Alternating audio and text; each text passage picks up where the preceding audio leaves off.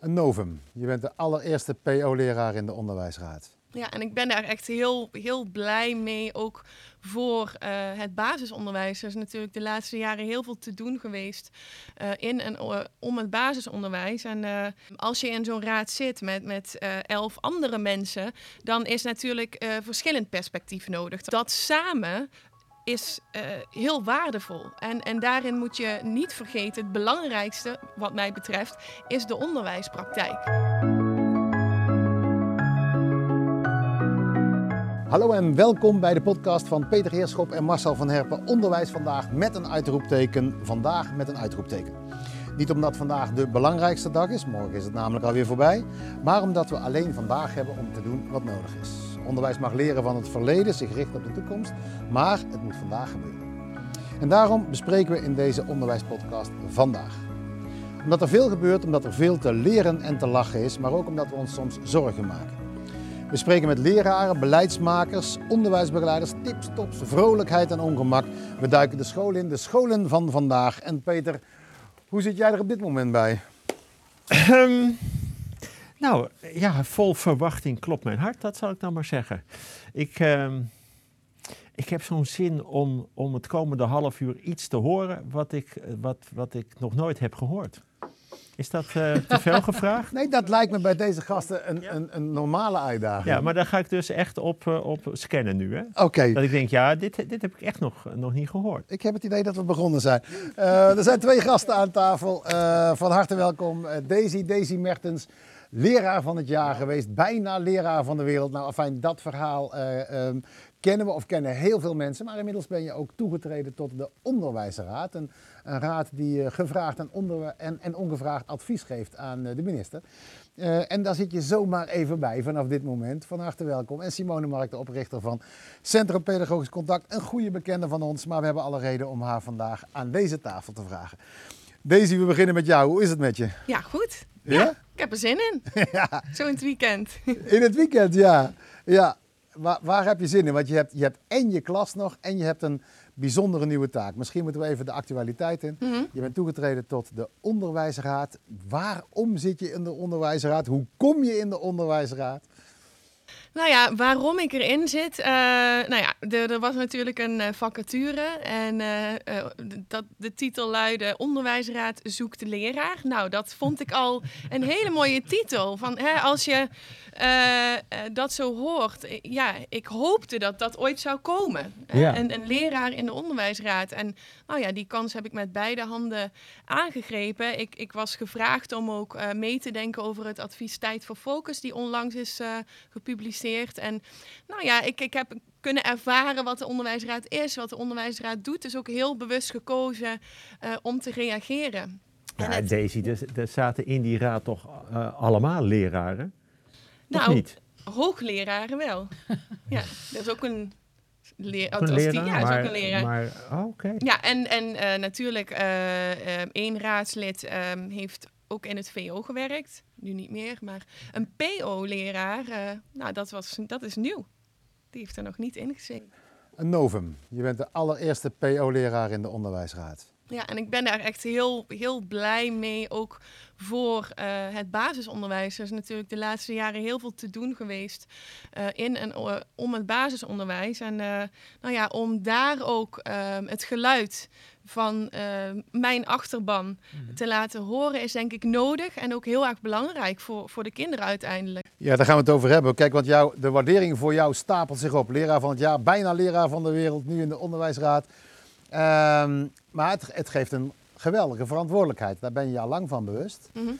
uh, dus jij gaat iets doen in die onderwijsraad. Mm -hmm. En daar heb je goed over nagedacht. Mm -hmm. Dus over een tijdje gaat het onderwijs in Nederland veranderen door jou. nou ja, ik, ik vind het uh, belangrijk ook om te kijken vanuit uh, mijn eigen onderwijspraktijk perspectief. En um, als je in zo'n raad zit met, met uh, elf andere mensen, dan is natuurlijk uh, verschillend perspectief nodig. Dan heb je een socioloog die vanuit zijn of haar bril kijkt. Dan heb je iemand die vanuit de economische kant kijkt. En uh, dat samen is heel waardevol. En, en daarin moet je niet vergeten, het belangrijkste, wat mij betreft, is de onderwijspraktijk.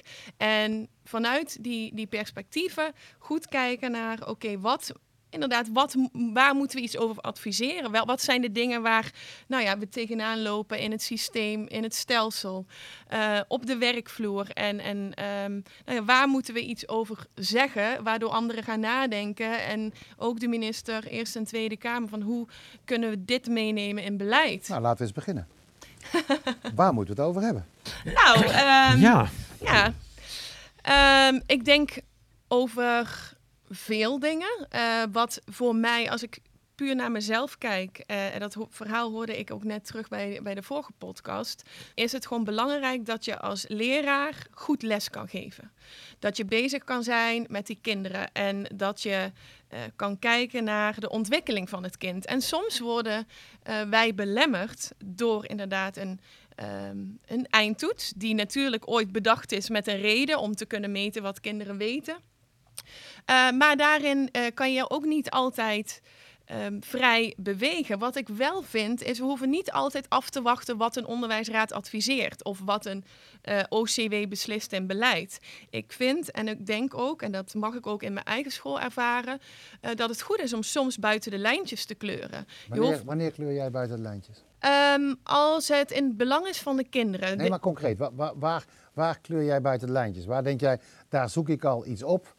Waar ik mijn eigen praktijk vorm geef. En misschien is dat nog niet wat gangbaar is of wat de minister prettig vindt. Nou, bijvoorbeeld mijn eerste keer dat ik echt buiten de lijntjes durfde te kleuren, want dat heeft even geduurd. Want als je net pabo af bent, dan wil je heel braaf zijn en dan wil je doen wat je, wat je collega's mhm. doen en dan wil je heel netjes zijn. En toen uh, moest ik vijf groepsplannen maken en toen dacht ik vijf groepsplannen, spelling, rekenen, begrijpen, lezen, taal, van alles wat.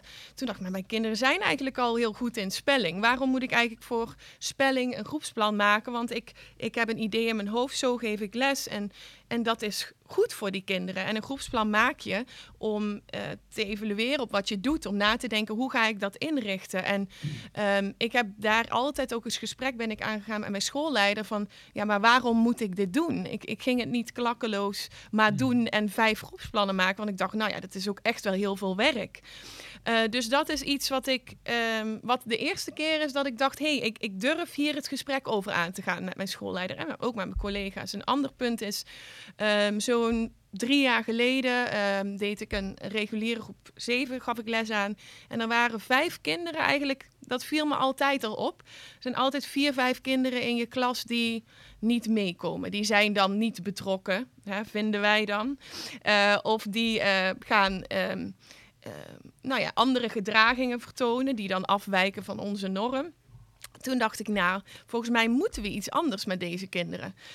Um, hebben deze kinderen wel behoefte aan uh, het reguliere lesprogramma zoals wij die nu geven? Volgens mij hebben deze kinderen meer behoefte aan, in plaats van het meewerkend voorwerp leren en samengestelde zinnen, dat zij bezig zijn met mondelinge taal, waar, waar we echt uh, veel te weinig tijd, wat mij betreft, aan besteden. En een e-mail schrijven en leren van: hey, um, als je later bedrijfsleider bent bij de Jumbo bijvoorbeeld, hoe, hoe spreek je dan een klant aan? Dat soort dingen. Dat heeft allemaal te maken met taal. Maar ja, als je gewoon doet wat de methode je voorschrijft, dan mhm. komt dat veel te weinig aan bod. Nou, ik ging naar mijn school en ik zei van, kan ik daar iets mee? Kunnen we daar iets mee?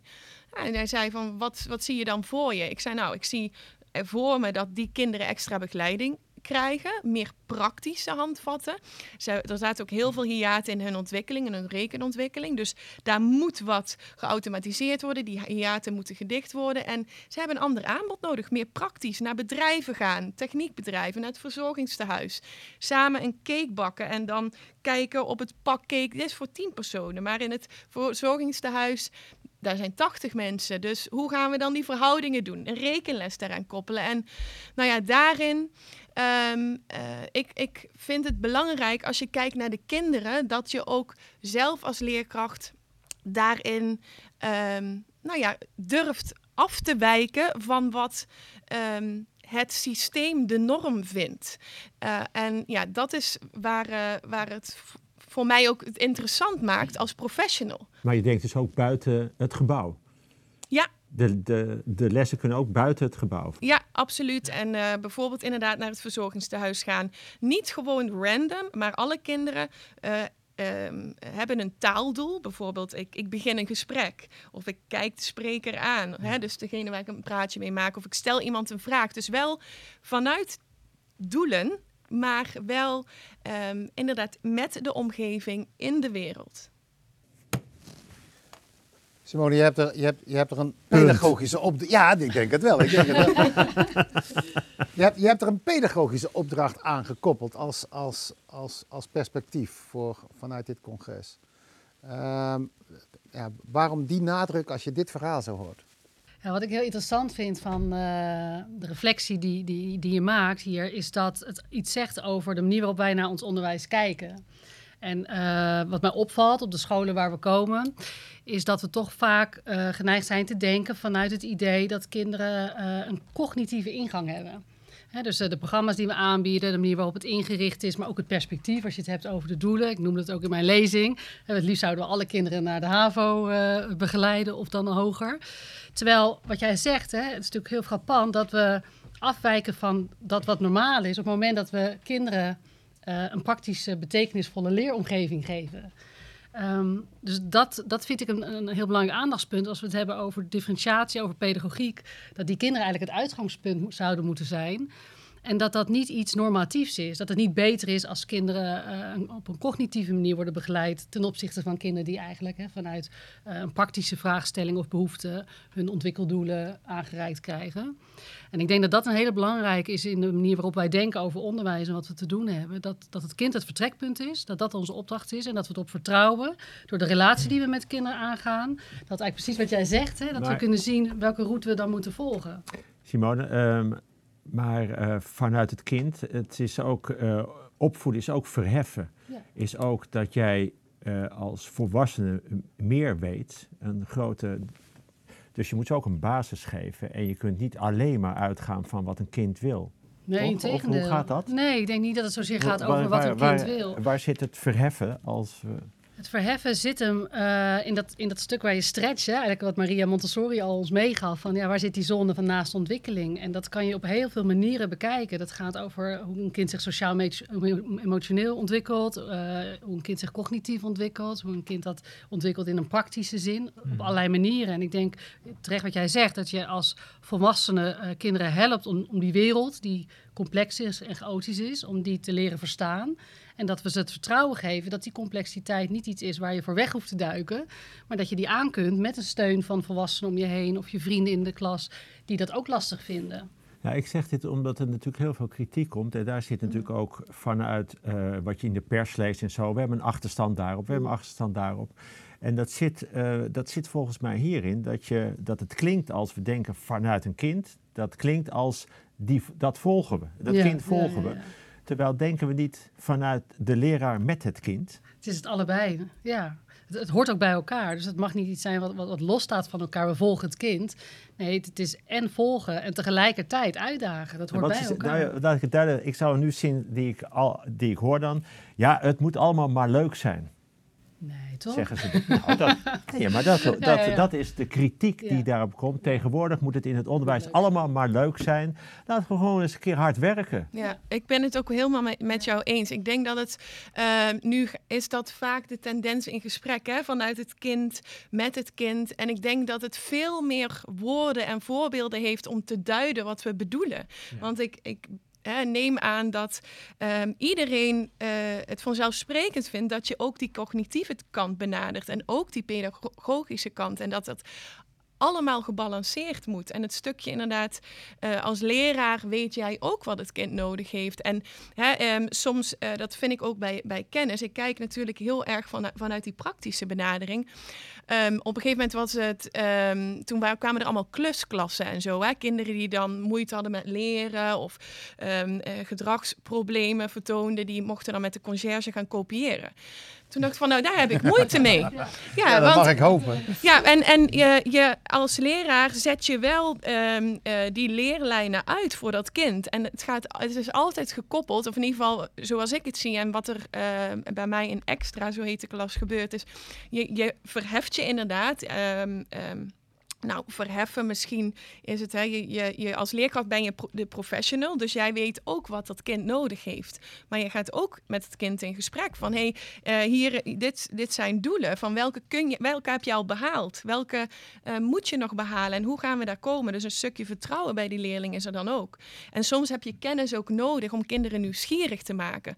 Als we bijvoorbeeld een uh, gesprek hebben, hadden we dan laatst over nou, vulkanen, maar als jij niks weet over vulkanen, dan ben ben jij in de lead als leerkracht om daar uh, iets over te brengen, om die informatie te geven over vulkanen. En dan gaan kinderen ook aanhaken. Maar daarbij moet die veiligheid goed zijn. Het sociaal-emotionele aspect moet goed zijn. En dat komt dan allemaal bij elkaar. Deze, je, hebt, je hebt voor dit soort verhalen een geweldig podium. Maar zoals Peter zei, de kritiek, en dan bedoel ik het niet eens als negatieve kritiek, maar mm. gewoon dat we elkaar scherp houden op wat er gebeurt. Hè. De, uh, um, ik geloof dat we aan deze tafel geen voorstander zijn van, van een compleet doorgeslagen, individueel kindvolgend systeem. Dus die kritische houding van wat gebeurt er is nodig. Maar ik heb in veel social media letterlijk gezien het voorbeeld wat jij uh, gebruikt. Uh, uh, naar kindvolgend onderwijs, naar allerlei vormen van, van proberen om het anders te doen dat letterlijk de cake uh, belachelijk gemaakt wordt. Oh, ze hebben, wel leren om een, ze hebben wel geleerd om een cake te bakken. Uh, hoe vaak dat ik dat teruggezien heb. Uh, maar dan echt heel cynisch. en jij, gebruik, jij gebruikt het als een bijna standaard voorbeeld. Dus hoe zou je, hoe zou je die kritiek um, um, te woord willen staan? Nou, kijk, die cake is een, een middel om, om uh, leerdoelen en ontwikkelingsdoelen te bereiken. En, en als je uh, vanuit dat perspectief kijkt, hè, dus, dus de cake ge gebruik je om een recept goed uh, te lezen, om samen te werken, om verhoudingen, breuken, hè, metriekstelsel, um, dat soort dingen in te brengen, dan, um, nou ja, dan is dat het die leerdoelen zijn het vertrekpunt. En, en die cake die gebruik je als voorbeeld. Dat, dat kan ook nog duizend andere voorbeelden hebben. Het, uh, um, bijvoorbeeld, uh, het hoeft niet altijd met koken te maken te hebben, maar um, je zorgt wel voor een um, uitdagende activiteit om uiteindelijk bepaalde doelen te bereiken. Nu heb jij, dat, je hebt er goed over nagedacht. Uh, als, als jonge leraar op deze plek waar we hier zitten, Um, jong en onbezonnen was ik, hadden we veel uh, inspectie, want we waren een, een, startende school met een, met een, met een ander soort concept. Uh, en er was een, een, inspecteur die kwam en die kwam voor begrijpend lezen, dat wist ik ook. En toen hij tegen mij zei, je weet toch dat ik voor begrijpend lezen kwam, want hij zag de boekjes nog niet op tafel. Toen zei ik, dat klopt, maar ik denk dat je naar de keuken moet. Licht geïrriteerd liep hij weg en nog geïrriteerder kwam hij terug, zei hij, ze zijn koekjes aan het bakken. Ik zeg, en als die goed lukken, kunnen ze goed begrijpend lezen. Dat vond ik toen ook wel grappig om te doen. Uh, dat bracht altijd iets uh, spannends in het gesprek. Maar ik wist nog niet precies waar dat aan raakte. Maar wel dat, dat, uh, dat begrijpend lezen niet voorkomt of ontstaan is als een schoolvak, maar eigenlijk voortkomt uit, uit een, een ontwikkeling die je samen doormaakt waar je meer over moet kunnen zeggen. Maar jij mag straks de minister gaan adviseren. Dus jij zit met al die ervaring op zak, je bent niet meer onbezonnen, het is geen spelletje meer. Je mag de minister gaan adviseren. Wat gaan wij daarvan merken? Is die CITO dan straks weg door jou of wat gaan we merken? Nou, een mooie vraag. Um, ook niet een vraag waar ik dan meteen denk bam. Maar uh, wat we gaan merken is dat we in ieder geval um, als leraren zodanig in onze kracht worden gezet.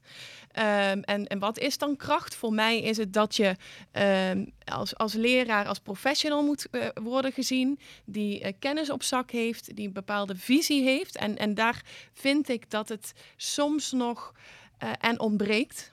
Um, hè, want je kan pas goed nadenken als jij precies weet. Zo wil ik mijn onderwijs vormgeven. Dit, is, dit zegt um, uh, de theorie, uh, dit zegt de psychologie. En als je dat allemaal in je zak hebt. En ja, ik, waar ik dus um, zelf zie dat het beter kan, is vooral in de PABO's. Ik heb zelf de PABO gedaan, ik weet hoe het ging. Ik heb uh, studenten mogen begeleiden. En um, als jij van onderop begint en jij maakt van studenten hele professionele, krachtige uh, mensen en professionals, hè, want dat gaat voor mij, komt dat heel dicht bij elkaar in ons vak. ehm, dan heb je daar denk ik ook mee eh, eh, het aanzien. We zijn niet zomaar mensen die met kinderen kleien, eh, de poepbroeken verschonen en that's it. Dan heb je dus aan de start al een hele krachtige beroepsgroep, maar ook ehm, in dienst staan ehm, van de leraren wegblijven bij allemaal te zeggen wat wij moeten doen, maar echt dat loslaten en eh, de leraar erover na laten denken en een, een bestuurder, een, een leidinggevende, die faciliteert daarin. En nou ja, laat het het veld maar doen. We hebben het allemaal over autonomie. De leraar moet autonomie nemen, moet krij dat krijgen. Maar ja, dan, dan moet je ook stoppen met um, uh, beleid te voeren die dat eigenlijk afneemt of die je drukt in een bepaald hokje of richting. Wat, wat heeft dat veld nodig? Daar zit je de hele dag. Ja, dat vertrouwen. En ik denk dat dat zeker begint bij uh, de kwaliteit van de professional. Dus als we, uh, dat beeld wat jij schetst, dat, dat, herken ik ook. En ik denk dat dat ook is wat, wat leraren vaak ook om vragen. Van geef mij tools, geef mij inzichten, geef me kennis. En uh, dat is heel gelaagd en heel breed. Dus ik denk dat we al die perspectieven nodig hebben. We moeten snappen hoe het werkt in, in de dynamiek van groepen. We moeten een beetje verstand hebben van de psychologie die ons als mens kenmerkt. Maar we moeten ook breder kijken naar wat de wereld ons vertelt. En ik denk dat dat gesprek, wat ook daarover plaats moet vinden in teams, dat dat ook de ruimte biedt aan die professional om met elkaar te kijken van en hoe vertalen wij dat dan vanuit ons uh, onderwijskundig concept. Je, dat je van daaruit ook uh, die vrijheid neemt om de verantwoordelijkheid te dragen voor een uitgebalanceerd of uitgedacht concept. Daar, er gebeurt iets in mijn hoofd wat er nog niet is gebeurd de afgelopen 59 jaar. oh, dat maakt het wel spannend. Nee, maar dat zit op relatie. En opeens, omdat jij het had, deze over uitdaging, is, is dat niet uh, uh, de kern van een relatie? Uitdaging? Ja, dat zit denk ik aan elkaar vast. En als je kijkt naar hoe ouders dat doen thuis, dan gaat dat heel natuurlijk. Ik, ik zie dat altijd als een soort elastiek, hè, wat je laat vieren. En ja, bij het ene kind uh, gaat dat heel snel, want die wil alles zelf doen. Dus die, die, die ouders die lopen er eigenlijk een beetje in mee. En bij dat andere kind moet je dat elastiek zelf als het ware een beetje oprekken... om dat kind uit te dagen, om uit die, hè, in beweging te komen... Ja, ik denk dat dat bij elkaar hoort. Dus dat je die relatie nodig hebt om te zien van... ja, maar hoe breng ik dit kind nou in beweging? En wat kan die zelf en wat heb ik daarin te doen? Ja, maar voor mij gebeurt het opeens, want ik denk een relatie, ja, dan is het wel goed. Maar opeens denk ik, nee, een relatie wordt pas interessant als je je uitgedaagd voelt. Ja. En als je de ander kunt uitdagen. Als je denkt, het is wel goed, dan, dan stop je er eigenlijk mee. Ja, precies. Dus opeens is dat woord uitdaging. En dat is ook gelijk het antwoord op dat ik denk, het hoeft niet zomaar leuk te zijn. Er zit altijd een uitdaging. Ja. Er zit altijd die spanning van, hoe gaat het vandaag weer? Ja, en, en hoe komen we vandaag weer verder? We gaan iets beleven. Ja, we, we, praten altijd over de zone van naaste ontwikkeling voor kinderen. En we hebben het nooit over de zone van naaste ontwikkeling voor leraren of differentiatie voor leraren. Het is voor allebei een enorme ja. uitdaging. Ja. Uh, en, en daardoor is het nooit zomaar een relatie. Dat, kan, dat gaat iedere dag weer anders. Het is iedere dag weer spannend. Ja, dat... Besef ik nu, hè? Ja, dat is dus het, het hard to get is, is eigenlijk heel erg belangrijk. Maar, maar je moet wel voelen dat je toeket bent. Dat, hè? Ja, want als je, als je anders haak ik ook af. Ja, nee. Ja, dan denk ik, dan ga ik met, met iemand anders praten. Wil je die ervaring ook delen, joh? Dat kan natuurlijk ook. Nou, daar heb ik wel grote verhalen over, maar dan zak ik nu langzaam weg. het mooie is dat, dat, uh, dat als je het zo zegt, kijk, uh, dan, zou je dus, dan zou je dus kunnen stellen, natuurlijk hoeft het niet altijd leuk te zijn. Want een uitdaging kan hartstikke spannend, moeilijk of boeiend zijn. Dat is niet allemaal meteen leuk. Maar leuk is wel een woord wat kinderen daar vaak weer bij gebruiken.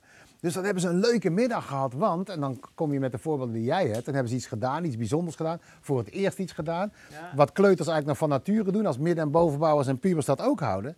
Ja, dan krijgen ze toch gemakkelijker op het puntje van hun stoel. Ja, nou, en ik bedoel daar ook mee, uh, het is de uitdaging dat een, dat een kind heel graag bij jou wil horen. Ik wil daarbij horen, ja. maar dat, dat, dat, dat jij dat, dat maar ook dat hebt. Wil ik, je ik wil bij jou zijn. Ja. Ja. Ja. Um, ja, dat is toch een enorm. Dit is een enorme uitdaging. Ja. Ik ga ook in, dat, in die onderwijsraad, voel ik. Nee, ja, onderwijsraad, dus, uh, onderwijsraad vraag cabaretier. Dat zou, zou een goede volgende sollicitatieronde zijn. Uh, uh, filosoof, hè? Ja, nee, zeker. Een cabaretier is ook een filosoof. Zelf benoemd. Kijk, dan ga je ook weer. Dat die alleen, alleen maar leuk moet zijn, een cabaretier. Is oh, nee, niet dat is zo. Waar. Nee, dat is waar. Ja, je, moet een uitdaging, je moet een uitdaging bieden aan de mensen. Ja, en ze moeten voelen dat ze bij je willen horen. En welke uitdaging zou jij de minister bieden als jij in de onderwijsraad zat? Het hoeft niet leuk te zijn. Nou ja, de, de, nou ja, de uitdaging is wel ook het, het, eh, het rondlopen in scholen. Eh, het het er, eh, letterlijk erbij zijn. Dat je ook voelt, oh ja, ehm, ik wil ook bij, bij die leerkracht zijn. Ik wil ook die leerling eh, spreken. Ik wil daar dichtbij zijn. Alle- dat gevoel wil ik hebben bij een minister ook. En dat heb, wil ik hebben bij iemand in die onderwijsraad. En wil ik hebben bij iemand in het bestuur. Ik wil dat bij iedereen hebben. Waarom als we het hebben over onderwijs. Waarom is dat, dat voelen voor jou zo belangrijk? Nou, dat is, dat, daar zit in het recht van spreken. Dat ik denk, ja, jij, jij praat over iets wat jij zelf niet hebt gevoeld. En dan eh, geloof ik het niet. Dus je moet die ervaring meenemen om te Kijk, de kunnen zeggen wat wegwijzer te hoeft niet de weg te zijn. Alleen ik moet ergens wel de betrokkenheid voelen. Peter, jij wilt iets nieuws horen vandaag. Heb je Nou, dat heb ik nu wel gehoord, Dat ja. dacht ik. Hij heeft het zichzelf Man, al En gezegd. je, hoort het jezelf vertellen. Ja. Nee, ja, maar nee, dat komt doordat anderen mij hebben uitgedaagd. Kijk, Ik Zo ben hier heel enthousiast over. Echt, eh, echt super enthousiast. vond je het leuk? Ik vond dit eh, super leuk. Nou, dan gaan we Maar, maar niet alleen leuk, hè? Nee. Nee, nee, nee, want daar gaat het niet om. Nee, Hè? hij moet ook een beetje schuren. Leuk dat jullie er waren. Dit was weer een aflevering van de podcast Onderwijs Vandaag. We maken deze podcast met Kai van Maas van Explainer Media. Als je je abonneert hoef je geen aflevering te missen. Reviews en sterretjes zorgen ervoor dat anderen deze podcast goed kunnen vinden. Peter, is het oké zo? Ja, ik ben kapot, man. Dan hebben, dan hebben we het goed gedaan. Leuk zeg. Dankjewel. Dank jullie wel.